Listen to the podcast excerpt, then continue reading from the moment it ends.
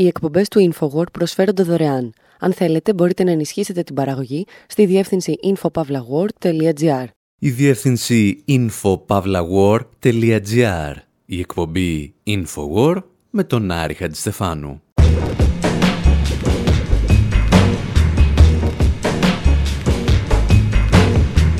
όπου σήμερα ξεκινάμε όπως κάθε χρόνο την ανασκόπηση της χρονιάς που πέρασε με τη ματιά του Infowar, η οποία ανασκόπηση θα ολοκληρωθεί στην επόμενη εκπομπή. Αναζητούμε όχι τις ειδήσεις, αλλά τις τάσεις της χρονιάς που πέρασε και τους ανθρώπους που την καθόρισαν με την ύπαρξη ή την απουσία τους. Σήμερα αποχαιρετούμε τρεις ανθρώπους που άφησαν τον μάταιο του το κόσμο Συζητάμε για έναν θάνατο που μας άφησε αδιάφορους, έναν θάνατο που μας ενδιέφερε για ιστορικούς λόγους και έναν θάνατο που μας συγκλόνισε. Στέλνουμε το τελευταίο αντίο στη βασίλισσα της Αγγλίας, τον Μιχαήλ Γκορμπατσόφ και τον μεγάλο μαρξιστή διανοητή Μάικ Ντέιβις με αυτή τη σειρά. Και ύστερα θυμόμαστε τη διεθνή διάσταση της υπόθεσης των υποκλοπών Ιστορίες που μας φέρνουν από το κτίριο του Watergate μέχρι τις σύγχρονες μυστικές υπηρεσίες του Ισραήλ. Majesty's a pretty nice girl, but she doesn't have a lot to say. Her Majesty's a pretty nice girl, but she changes from day to day. I wanna tell her that I love her a lot, but I gotta get a belly full of wine. Αυτή ήταν φυσικά οι Beatles στο Her Majesty, ένα τραγούδι διάρκειας μόλις 23 δευτερολέπτων, στο οποίο ο Πολ Μακάρνε μας εξηγεί ότι η Βασίλισσα είναι καλό κορίτσι, αλλά δεν έχει και πολλά να πει.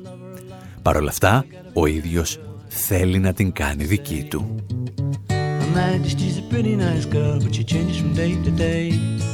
Τελικά βέβαια ήταν το κορίτσι που έκανε δικό της τον Πολ Μακάρτνεϊ, αφού η Βασίλισσα Ελισάβετ τον έχρισε υπότι. The order of the companions of honor to be a member, Sir Paul McCartney, for services to music. Η περίπτωση του Μακάρτνε ήταν από τις καλύτερες, γιατί συνήθως η Ελισάβετ έχριζε υπότες και προσέφερε μετάλλια και τιμές σε όποιον εγκληματία πολέμου έβλεπε μπροστά της. Μεταξύ άλλων είχε τιμήσει τον Σιμών Πέρες, σφαγέα της Κανά, τον Κόλιν Πάουελ, σφαγέα του Βιετνάμ και του Ιράκ, τον στρατηγό Νόρμαν Σφάρτσκοπ, σφαγέα επίσης του Ιράκ, τον Ρόναλντ Ρίγκαν, σφαγέα του κράτους πρόνοιας και τον Χένρι Κίσιγκερ, σφαγέα γενικώς. Επίσης, είχε προσφέρει μετάλλια στο Σύνταγμα Βρετανών Αλεξιπτωτιστών που πολυβολούσαν το πλήθος στη ματωμένη Κυριακή της Βόρειας Ιρλανδίας. Εκτέλεσαν 14 άμαχους πολίτες. Πιθανότατα η Βασίλισσα Ελισάβετ να ήταν ο τελευταίος Ευρωπαίος μονάρχης που είχε τέτοια μανία με το αίμα αθώων από την εποχή του βασιλιά του Βελγίου, Λεοπόλδου του Δεύτερου.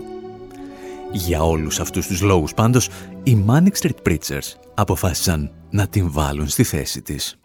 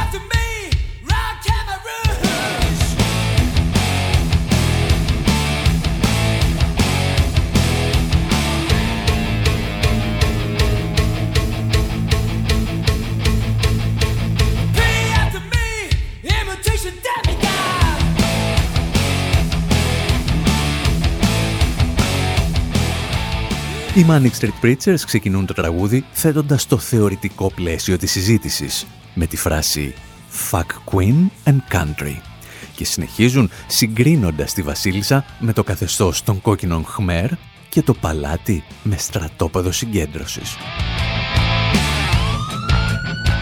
Παρεπιπτόντως βέβαια θα πρέπει να αναγνωρίσουμε ότι το τραγούδι δεν λογοκρίθηκε από τις Βρετανικές αρχές, γεγονός που αποδεικνύει την ανοχή των αγγλοσαξονικών καθεστώτων στην σκληρή κριτική. Βέβαια, ο τραγουδιστής των Manic Street Preachers εξαφανίστηκε και το πτώμα του δεν βρέθηκε ποτέ. Αλλά μπορούμε με σχεδόν απόλυτη βεβαιότητα να πούμε ότι γι' αυτό δεν ευθύνεται το παλάτι του Buckingham.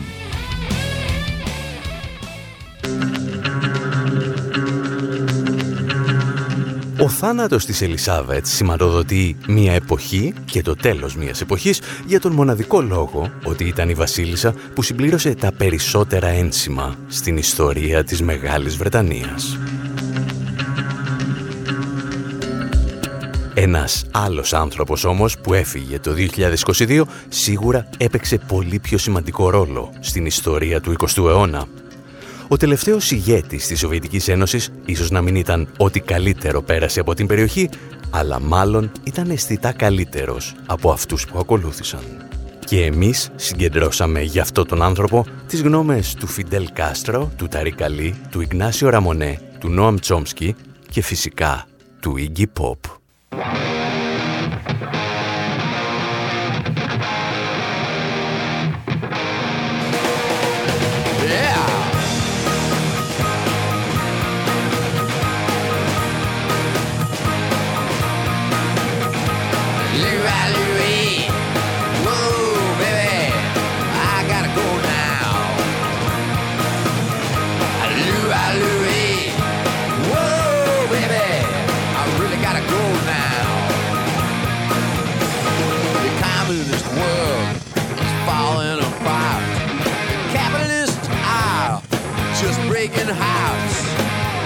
Iggy Pop. just wanna sing Louie, Louie, Louie, Louie. Oh, baby, I gotta go now. Louie, Louie. Oh, baby, I really gotta go. Ο Iggy Pop μας εξηγεί ότι ο κομμουνιστικός κόσμος διαλύεται στα έξω συνετέθη και έρχονται οι καπιταλιστές να σπάσουν καρδιές. Ο μόνος λόγος ύπαρξης, λέει, είναι πλέον το χρήμα. Προφανώς, κανένας κομμουνιστικός κόσμος δεν μπορεί να διαλυθεί γιατί δεν υπήρξε ποτέ κομμουνιστικός κόσμος. Θα το χαρίσουμε όμως τον Iggy Pop για λόγους ποιητικής αδείας. Ο ίδιος άλλωστε σπέβδει να εξηγήσει τι ακριβώς εννοεί. Life after Bush and Gorbachev The wall is down, but something is lost Turn on the news, it looks like a movie It makes me wanna sing Louis, Louis, Louis, Louis.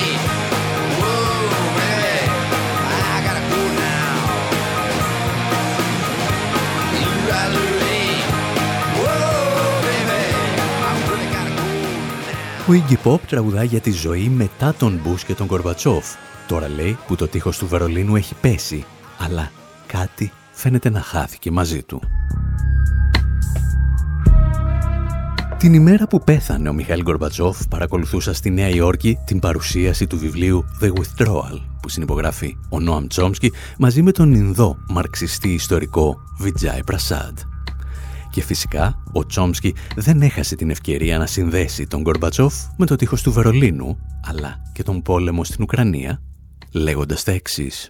Uh, Gorbachev agreed to let Germany uh, unify and join NATO Ο Γκομπατζόφ συμφώνησε να επιτρέψει στη Γερμανία να επανονωθεί και να ενταχθεί στο ΝΑΤΟ, το οποίο αποτελούσε μια εχθρική στρατιωτική συμμαχία. Πρόκειται για ιστορική υποχώρηση. Υπήρχε όμως μια προϋπόθεση. Ο πρόεδρος Μπούς συμφώνησε ότι το ΝΑΤΟ δεν θα επεκταθεί ούτε ένα εκατοστό ανατολικά της Γερμανίας. Σήμερα υπάρχει μεγάλος βαθμός παραπληροφόρησης σχετικά με αυτή τη συμφωνία. Το κείμενο όμως ήταν απόλυτα ξεκάθαρο και μπορεί να το διαβάσετε στο Εθνικό Αρχείο. Όταν όμως ανέλαβε την Προεδρία ο Μπιλ Κλίντον, έσπασε τη συμφωνία με τον Γκορμπατσόφ και ξεκίνησε την προς ανατολάς επέκταση επέκταση του ΝΑΤΟ, την οποία συνέχισε ο Τζορτζ Μπους ο νεότερος. Το ΝΑΤΟ έφτασε λοιπόν στα σύνορα της Ρωσίας και αυτό δεν άρεσε καθόλου στους Ρώσους. Παρ' όλα αυτά το ανέχτηκαν, θέτοντα όμως μια κόκκινη γραμμή. Η Γεωργία και η Ουκρανία δεν θα εντάσσονταν στο ΝΑΤΟ. Georgia and Ukraine not join NATO.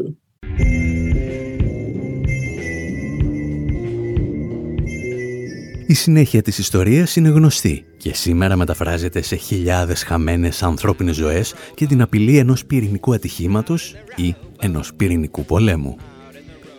Η ιστορία του Τσόμσκι βέβαια αφήνει ακόμη αναπάντητο το μεγάλο ερώτημα. Ο Κορμπατσόφ ήταν ο χρήσιμος ηλίθιος ή ο δολοφόνος της Σοβιετικής Ένωσης;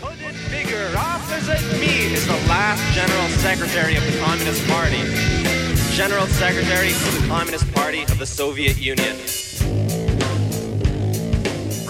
Πριν από μερικές ημέρες, ο συγγραφέας Τάρι Καλή και ο πρώην διευθυντής της Mon Diplomatique, Ιγνάσιο Ραμονέ, ανάρτησαν στους λογαριασμούς τους στο Facebook αποσπάσματα παλαιότερη συνέντευξης του Φιντέλ Κάστρο, στην οποία ο κουβανός ηγέτης αναφερόταν στον Κορμπατσόφ. Για την ιστορία, τη συνέντευξη είχε πάρει ο Τομάς Μποργκέ, ένας από τους προτεργάτες του κινήματος των Σαντινίστα στην Ικαράγουα. Και μεταξύ άλλων είχε ερωτήσει τον Κάστρο. Τελικά ήταν ο Κορμπατσόφ που δολοφόνησε τη Σοβιετική Ένωση. Και ο Κάστρο απάντησε ως εξής. Όχι, δεν μπορώ να το πω αυτό για τον Κορμπατζόφ. Έχω άλλη εικόνα για αυτόν και δεν είναι η εικόνα του δολοφόνου που οργάνωσε τη διάλυση της Σοβιετικής Ένωσης. Η Σοβιετική Ένωση αυτοκαταστράφηκε. Προφανώς η ευθύνη γι' αυτό βαραίνει τους ηγέτες της χώρας. Κάποιοι από αυτούς γνώριζαν ότι την καταστρέφουν και κάποιοι όχι. Δεν μπορώ να πω ότι ο Κορμπατζόφ γνώριζε για την επερχόμενη διάλυση γιατί πιστεύω ότι σκόπευε να δώσει την μάχη για την βελτίωση του σοσιαλισμού στη Σοβιετική Ένωση. Προφανώς εμείς δεν θα είχαμε αποδεχθεί ποτέ τη διάλυση όχι μόνο του σοσιαλισμού αλλά ακόμη και της Σοβιετικής Ένωσης. Η κατάσταση αυτή προκάλεσε τρομακτική ζημιά για τους ανθρώπους σε όλο τον κόσμο και ιδιαίτερα στον τρίτο κόσμο. Ο υπεραλισμό δεν θα είχε καταφέρει να σπάσει τη Σοβιετική Ένωση αν οι Σοβιετικοί δεν είχαν αυτοκαταστραφεί. Ο σοσιαλισμός δεν πέθανε από φυσικά αίτια. Ήταν αυτοκτονία, αλλά ήταν και δολοφονία.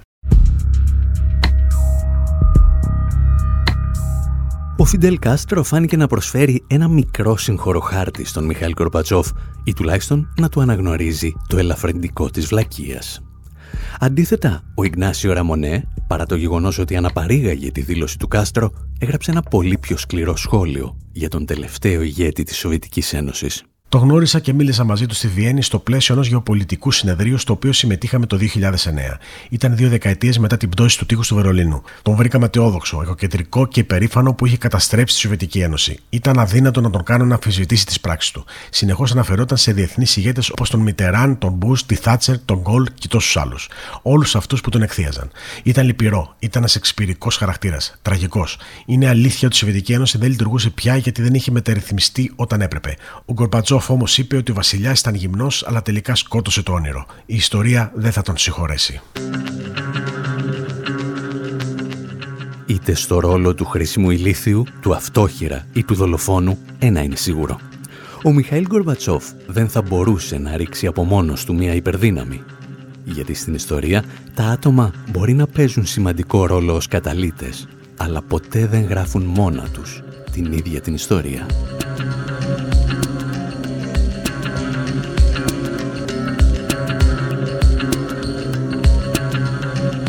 Ένας από τους ανθρώπους που το γνώριζαν αυτό καλύτερα από οποιονδήποτε άλλο ήταν ο Μάικ Ντέιβις.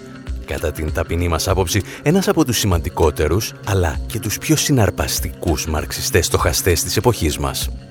Έφυγε νικημένος από τον καρκίνο και αυτές είναι μερικές κουβέντες που μοιραστήκαμε μαζί σας μόλις το πληροφορηθήκαμε.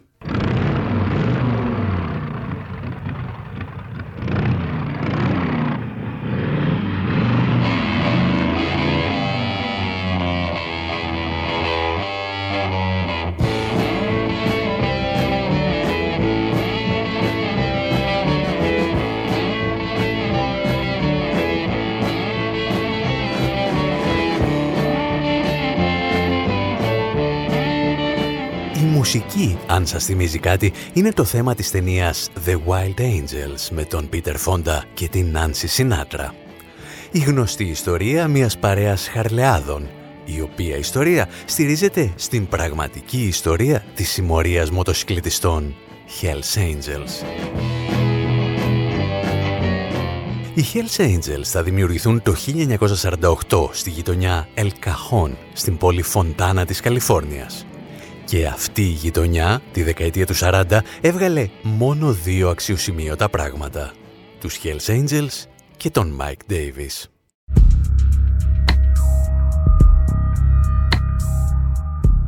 Για την ιστορία, τα δύο αυτά στοιχεία δεν είναι και τόσο ασύνδετα μεταξύ τους. Γιατί στην γειτονιά του Ελκαχών μπορούσες να γίνεις μόνο δύο πράγματα. Εργάτης, όπως ο πατέρας του Mike Davis, ή παράνομος. Αυτό που οι Αμερικάνοι αποκαλούν outlaw. Ο Mike Davis βέβαια δείχνει προς στιγμήν ότι θα μπορούσε να ξεφύγει από την κατάρα των δύο αυτών επιλογών τελειώνει το Λύκειο και ξεκινά τις σπουδές του. Πιάνει μάλιστα δουλειά και σε ένα αριστερό βιβλιοπωλείο του Λος Άντζελες. Είναι όμως ο λάθος υπάλληλος στο λάθος χώρο. ABC Evening News with Frank Reynolds. Evening. Βρισκόμαστε πλέον στα τέλη της δεκαετίας του 60 και όπως ακούμε και στα δελτία ειδήσεων της εποχής, τα άρματα μάχης του Συμφώνου της Βαρσοβίας έχουν καταλάβει την Τσεχοσλοβακία, καταπνίγοντας τη λεγόμενη άνοιξη της Πράγας. Και ο Μάικ Ντέιβις είναι έξαλλος με αυτή την εξέλιξη. Σχεδόν ένα χρόνο αργότερα επισκέπτεται το βιβλιοπωλείο στο οποίο εργάζεται ο πολιτιστικός ακόλουθος της πρεσβείας της Σοβιετικής Ένωσης στις Ηνωμένες Πολιτείες. Και ο Μάικ Ντέιβις τον αρχίζει στα γαλλικά. Και φυσικά τον απολύουν. Τον Ντέιβις, όχι τον Σοβιετικό ακόλουθο. Και ο Μάικ Ντέιβις, αντί να ξαναγυρίσει στα βιβλία του, αποφασίζει να γίνει νταλικέρης. Ακούστε αυτό και επιστρέφουμε.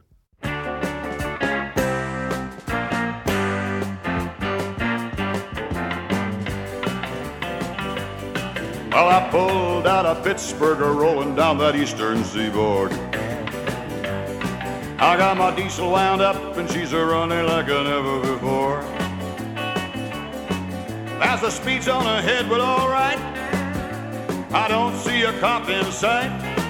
Six days on the road and I'm gonna make it home tonight. Στα μέσα της δεκαετίας του 60, ο Dave Dudley τραγουδά για τις δοξασμένες ημέρες των Αμερικανών οδηγών φορτηγών, οι οποίοι διασχίζουν τις Ηνωμένες Πολιτείες στους αυτοκινητόδρομους που κατασκευάστηκαν μετά το Δεύτερο Παγκόσμιο Πόλεμο.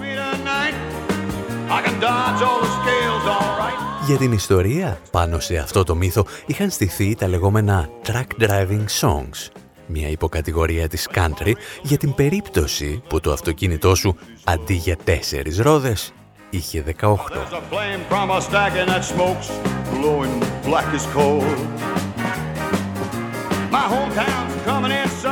Στα τέλη της δεκαετίας του 60 πάντως, ο ήρωας της δικής μας ιστορίας, ο Μάικ Ντέιβις, αποφασίζει να εγκαταλείψει μια πολλά υποσχόμενη καριέρα στον ακαδημαϊκό χώρο και να γίνει νταλικέρης. Τα εξηγούσε παλαιότερα ο Μίκα Έτρεχτ, αρχισυντάκτης του περιοδικού Jacobin. He gets politicized and radicalized during, during that time, and um, he does not then become Mike Davis, the public intellectual. Uh, instead, Εκείνη την περίοδο ξεκινάει η διαδικασία πολιτικοποίησης και ριζοσπαστικοποίησης. Δεν θα γεννηθεί όμως εκείνη την περίοδο ο διανόμενος Mike Davis, γιατί θα γίνει οδηγός φορτηγού. Εργάζεται σε μια εταιρεία με κρέατα και κάνει κάθε είδους μεταφορές. Για αρκετά χρόνια κάνει δουλειές της εργατικής τάξης στην Καλιφόρνια. Αρχικά λοιπόν δεν θα πάει στο πανεπιστήμιο. Προτιμά, όπως έλεγε και ο ίδιος, να διαβάζει το κεφάλαιο του Μάρξ στα διαλείμματα της δουλειάς, ενώ οδηγεί φορτηγά στη Νότια Καλιφόρνια.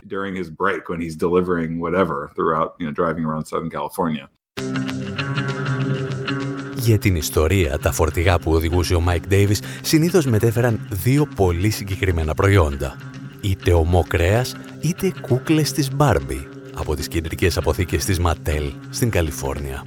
Και σε αυτές τις συνθήκες, ο διανοούμενος νταλικέρης θα αποκτήσει την γνήσια ταξική συνείδηση η οποία θα τον ακολουθήσει μέχρι το τέλος της ζωής του. Για τον Μάικ Ντέιβις η συμμετοχή με τον ένα ή τον άλλο τρόπο στη ζωή των εργατών αποτελούσε αυτό που ο ίδιος αποκαλούσε «μαρξισμό παλαιάς κοπής». Στον ακαδημαϊκό χώρο συνήθιζε να λέει συναντάς ανθρώπους που αυτό αποκαλούνται μαρξιστές και πηγαίνουν σε πολλά συνέδρια. Σχεδόν ποτέ όμως δεν κατεβαίνουν σε μία διαδήλωση, δεν πηγαίνουν στη συνέλευση ενός συνδικάτου, δεν πετάνε ένα τούβλο και δεν πλένουν τα πιάτα ύστερα από μια εκδήλωση οικονομικής ενίσχυσης.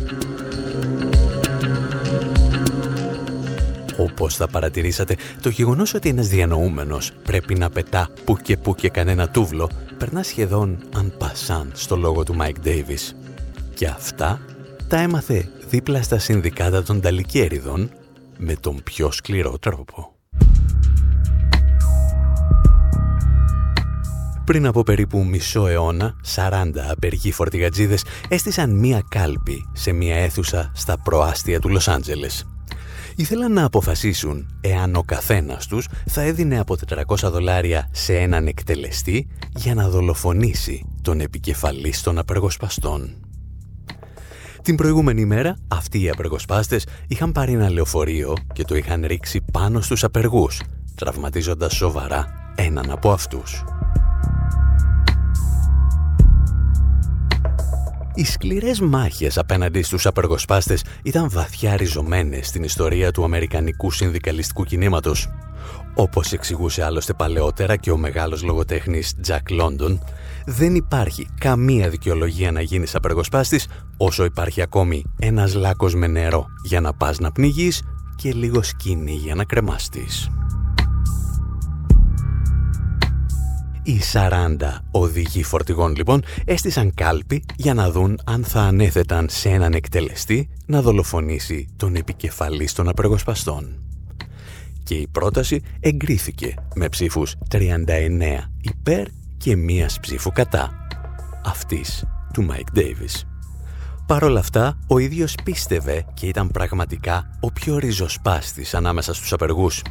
Έλεγε μάλιστα ότι οι υπόλοιποι ήταν δειλοί, αφού αντί να κάτσουν να καταστρώσουν ένα σχέδιο πολιτικής στρατηγικής, προτίμησαν την εύκολη λύση των όπλων.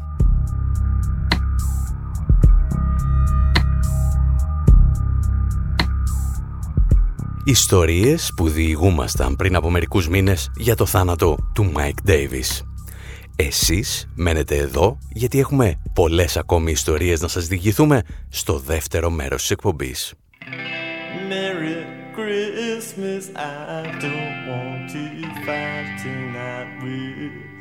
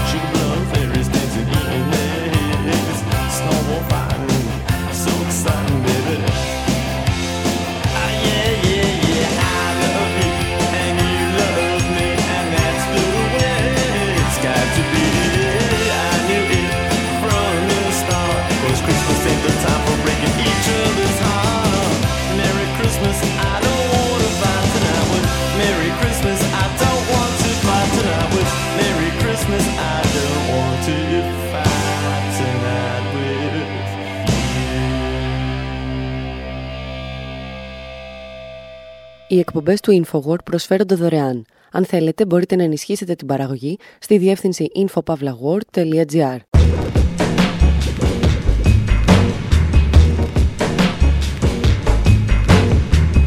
Εκπομπή InfoWord, μέρος δεύτερο όπου συνεχίζουμε την ανασκόπηση της χρονιάς που πέρασε, όπως την ζήσαμε μέσα από τις εκπομπές του InfoWord. Το 2022 ήταν η χρονιά των υποκλοπών για την Ελλάδα. Εμείς πάλι θεωρούσαμε ότι για να κατανοήσουμε καλύτερα το θέμα πρέπει να ταξιδέψουμε στο χώρο και τον χρόνο. Και η πρώτη μας σκέψη ήταν να διαπιστώσουμε εάν οι προσπάθειες συγκάλυψης του σκανδάλου θυμίζουν σε κάτι το Watergate, το σκάνδαλο που οδήγησε στην παρέτηση τον Ρίτσαρντ Νίξον. Και το κάναμε με ρυθμούς ψευτοκάντρι.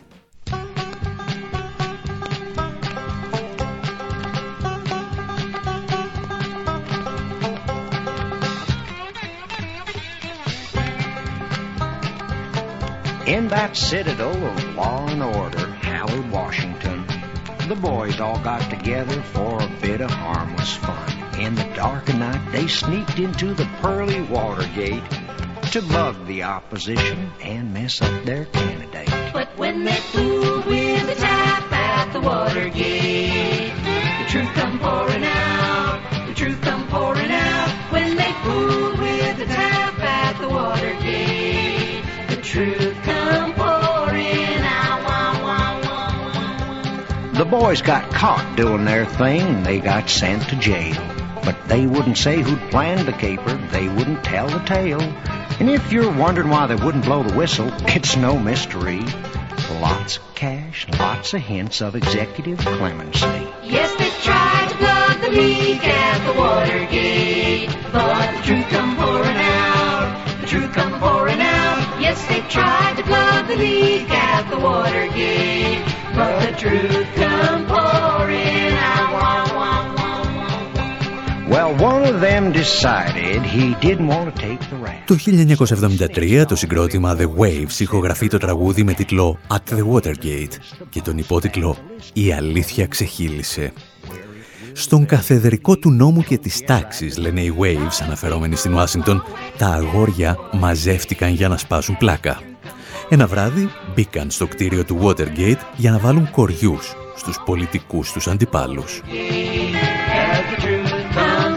Τα αγόρια, συνεχίζει το τραγούδι, τα έπιασε η αστυνομία και τα έβαλε στη φυλακή.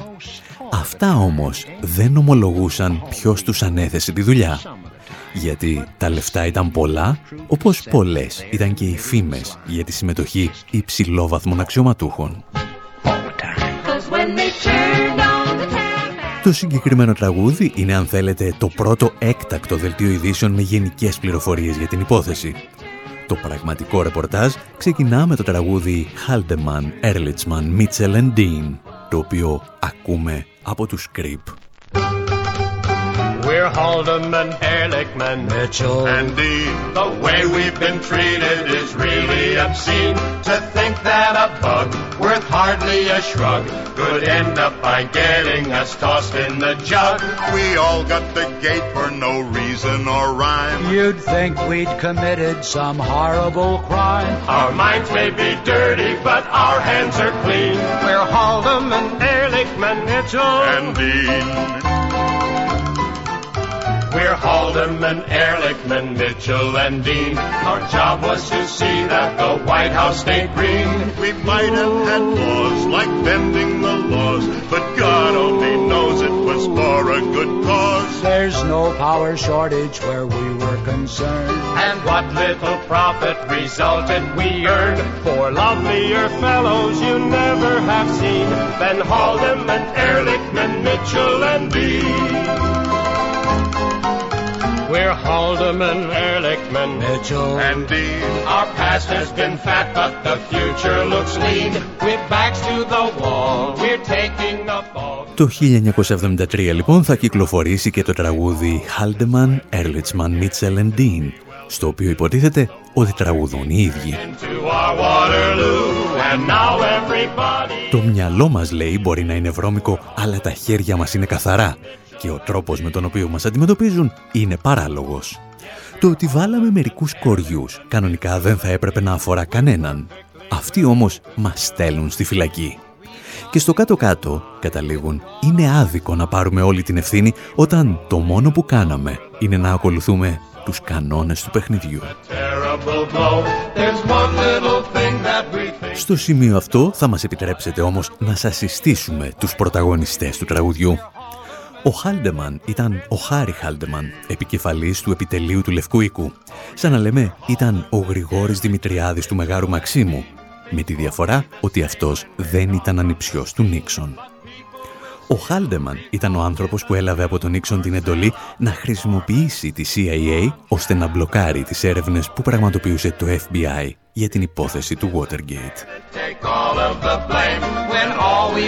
Ο Έρλιτσμαν του τραγουδιού είναι ο Τζον Έρλιτσμαν, δεξιχέρι και σύμβουλος του Πρόεδρου Νίξον και ο άνθρωπος που έστησε τη λεγόμενη «ομάδα των υδραυλικών». Ήταν ένα άκρος απόρριτο σχέδιο που στόχο είχε να συγκαλύψει το σκάνδαλο Watergate αλλά και τα περίφημα Pentagon Papers, δηλαδή τη διαρροή εγγράφων για τα εγκλήματα των Ηνωμένων Πολιτειών στο Βιετνάμ. Ο Ντίν του τραγουδιού είναι ο Τζον Ντίν, ο οποίος διαδέχθηκε τον Έρλιτσμαν στη θέση του συμβούλου του Νίξον. Αυτός όμως, όταν κατάλαβε ότι ο Χάλντεμαν και ο Έρλιτσμαν ετοιμάζονταν να τον μετατρέψουν σε αποδιοπομπαίο τράγο του σκανδάλου, αποφάσισε να ανοίξει το στόμα του στον εισαγγελέα και να εξηγήσει τι ακριβώς είχε συμβεί. Στην Ελλάδα αυτό δεν θα είχε κανένα απολύτως νόημα, γιατί ο εισαγγελέας αντί να ασχολείται με τις παρακολουθήσεις εναντίον των δημοκρατικών στο Watergate, θα εξέταζε πιθανότατα τις παρακολουθήσεις εναντίον του Νίξον. Διαφορετικά δεν θα ήταν ο εισαγγελέας.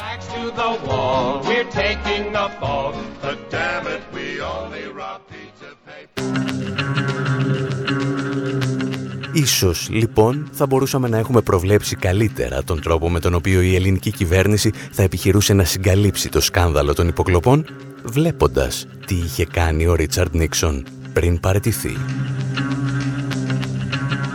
Υπήρχε όμως και μία άλλη πτυχή του ζητήματος για την οποία κανένας δεν ήθελε και δεν θέλει να μιλάει. Το γεγονός ότι η λύση όλου του προβλήματος δεν βρισκόταν στην Ελλάδα, αλλά στο Ισραήλ.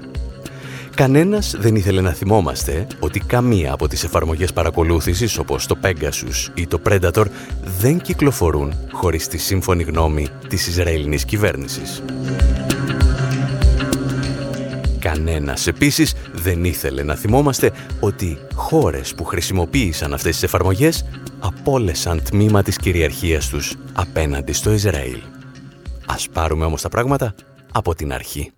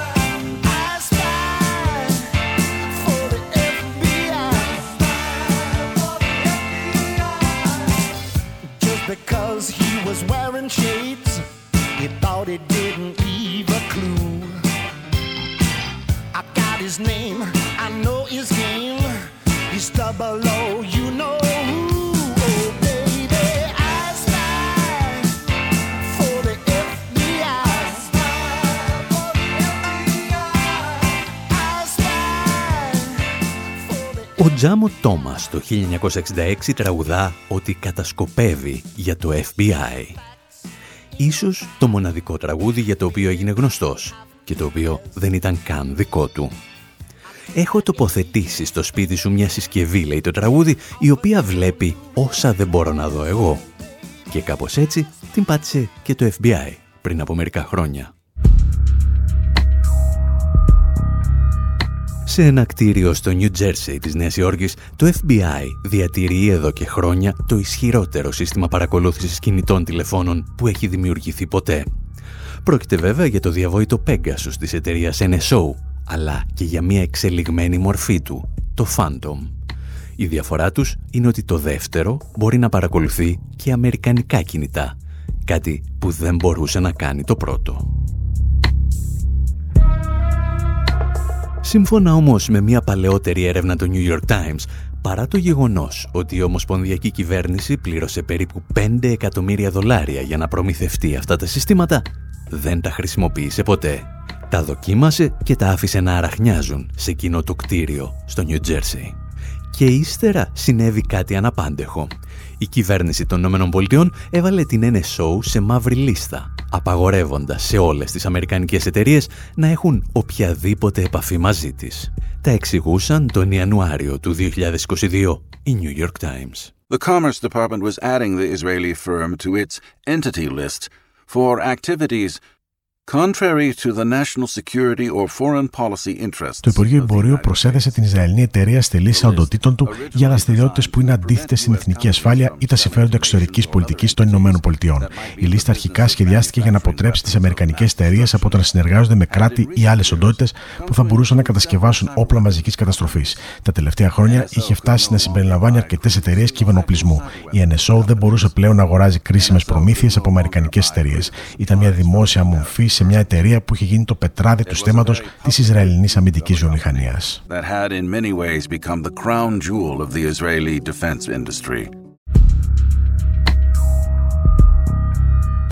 Προσέξτε τις λεπτομέρειες αυτής της αποκάλυψης.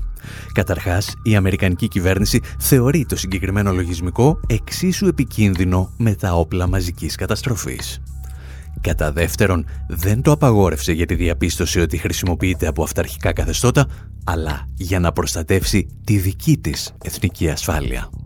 Γιατί όμως μια χώρα που χρησιμοποιεί ένα πρόγραμμα παρακολούθησης να κινδυνεύει η ίδια και όχι αυτοί που παρακολουθούνται; Θα μας επιτρέψετε να πάρουμε τα πράγματα από την αρχή. Οι εταιρείες που δημιούργησαν ή διαχειρίζονται προγράμματα όπως το Pegasus και το Predator αποτελούν σάρκα από τη σάρκα του Ισραηλινού στρατού και των υπηρεσιών πληροφοριών.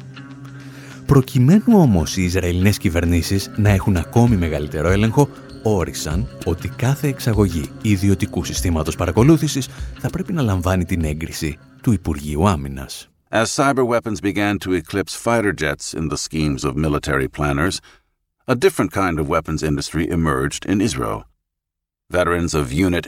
Καθώς τα κυβερνόπλα ήταν πλέον πιο χρήσιμα από τα μαχητικά αεροσκάφη, μια νέα βιομηχανία όπλων αναδύθηκε στο Ισραήλ. Βετεράνοι της ομάδας 8200 του Ισραηλινού αντίστοιχου της Αμερικανικής NSA μεταφέρθηκαν σε νεοφυείς επιχειρήσεις στον ιδιωτικό τομέα. Δημιούργησαν έτσι μια βιομηχανία κυβερνοασφάλεια αξίας πολλών δισεκατομμυρίων. Όπως και οι πολιτές συμβατικών όπλων, έτσι και οι κατασκευαστές κυβερνοπλισμού πρέπει να λάβουν άδειε εξαγωγών από το Υπουργείο Άμυνας για να πουλήσουν τα προϊόντα τους στο εξωτερικό. Παρέχουν έτσι έναν κρίσιμο μοχλό για την κυβέρνηση του Ισραήλ να επηρεάζει αυτές τις εταιρείες και σε κάποιες περιπτώσεις τις χώρες που αγοράζουν από αυτές.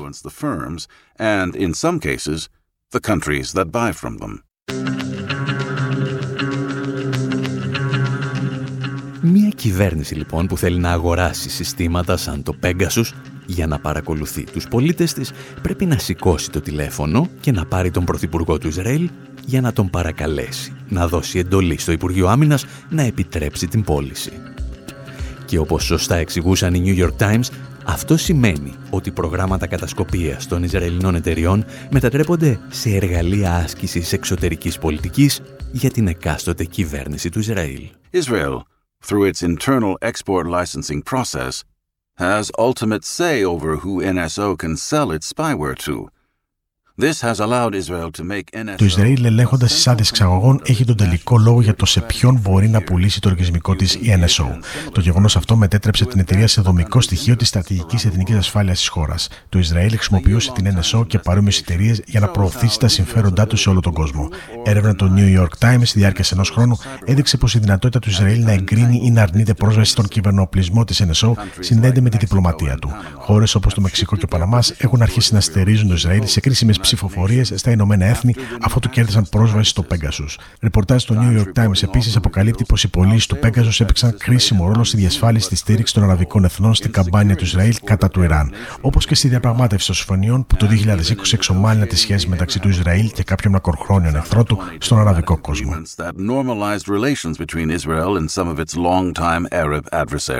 One former military aide to Benjamin Netanyahu, at the time Israel's prime minister, Πρώην στρατιωτικός σύμβολος του Μπενιαμίν Νετανιάχου, τότε πρωθυπουργού του Ισραήλ, εξήγησε τα πλεονεκτήματα ξεκάθαρα. Με το Υπουργείο Άμυνας να έχει τον έλεγχο του πώς πολλούνται αυτά τα συστήματα, δήλωσε, θα έχουμε τη δυνατότητα να τα εκμεταλλευτούμε για διπλωματικά ωφέλη.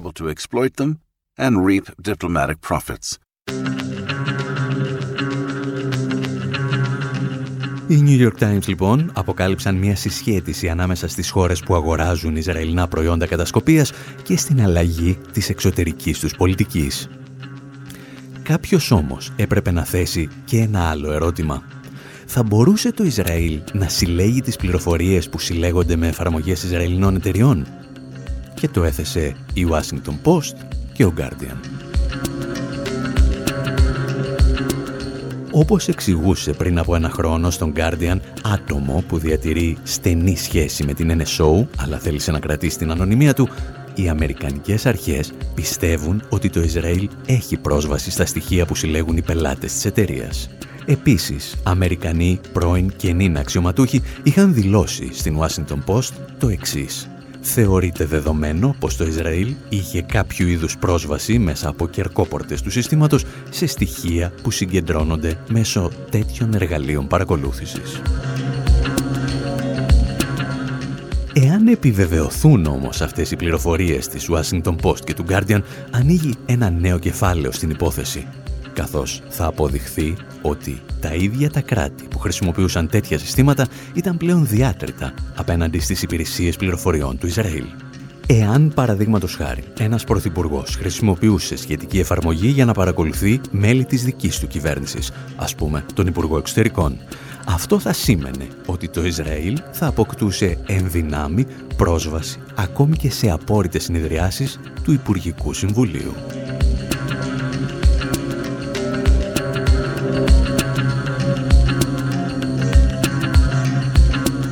Στο σημείο αυτό, εμείς λέμε να σας αφήσουμε και για αυτή την εβδομάδα και να συνεχίσουμε την ανασκόπησή μας την επόμενη. Αν σας αρέσουν οι ιστορίες που ακούτε σε αυτές τις εκπομπές, να σας θυμίσουμε ότι πολλές από αυτές τις ιστορίες έχουν περιληφθεί και στο βιβλίο «Προπαγάνδα και παραπληροφόρηση» που κυκλοφορεί από τις εκδόσεις «Τόπος». Και ήδη, δύο μήνες μετά την κυκλοφορία του, έχει φτάσει στην έκτη έκδοση. Μέχρι πάντως την επόμενη εβδομάδα, από τον Άρη Χατζηστεφάνου στο μικρόφωνο και τον Δημήτρη Σταθόπουλο στην τεχνική επιμέλεια, γεια σας, χαρά σας και χρόνια πολλά σας.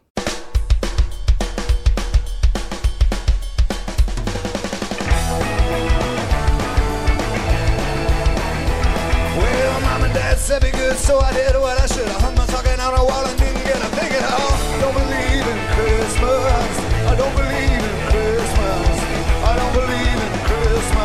didn't get nothing last year. Well, stayed up late night to see Santa Claus right. Sure enough, and don't you know the fat boy didn't show? Don't believe in Christmas. I don't believe in Christmas. I don't believe in Christmas. Cause I didn't get nothing last year. Well, I tried to get a little kiss from a pretty little miss. She slapped me down and said, You took mistletoe, it didn't work. Don't believe in Christmas.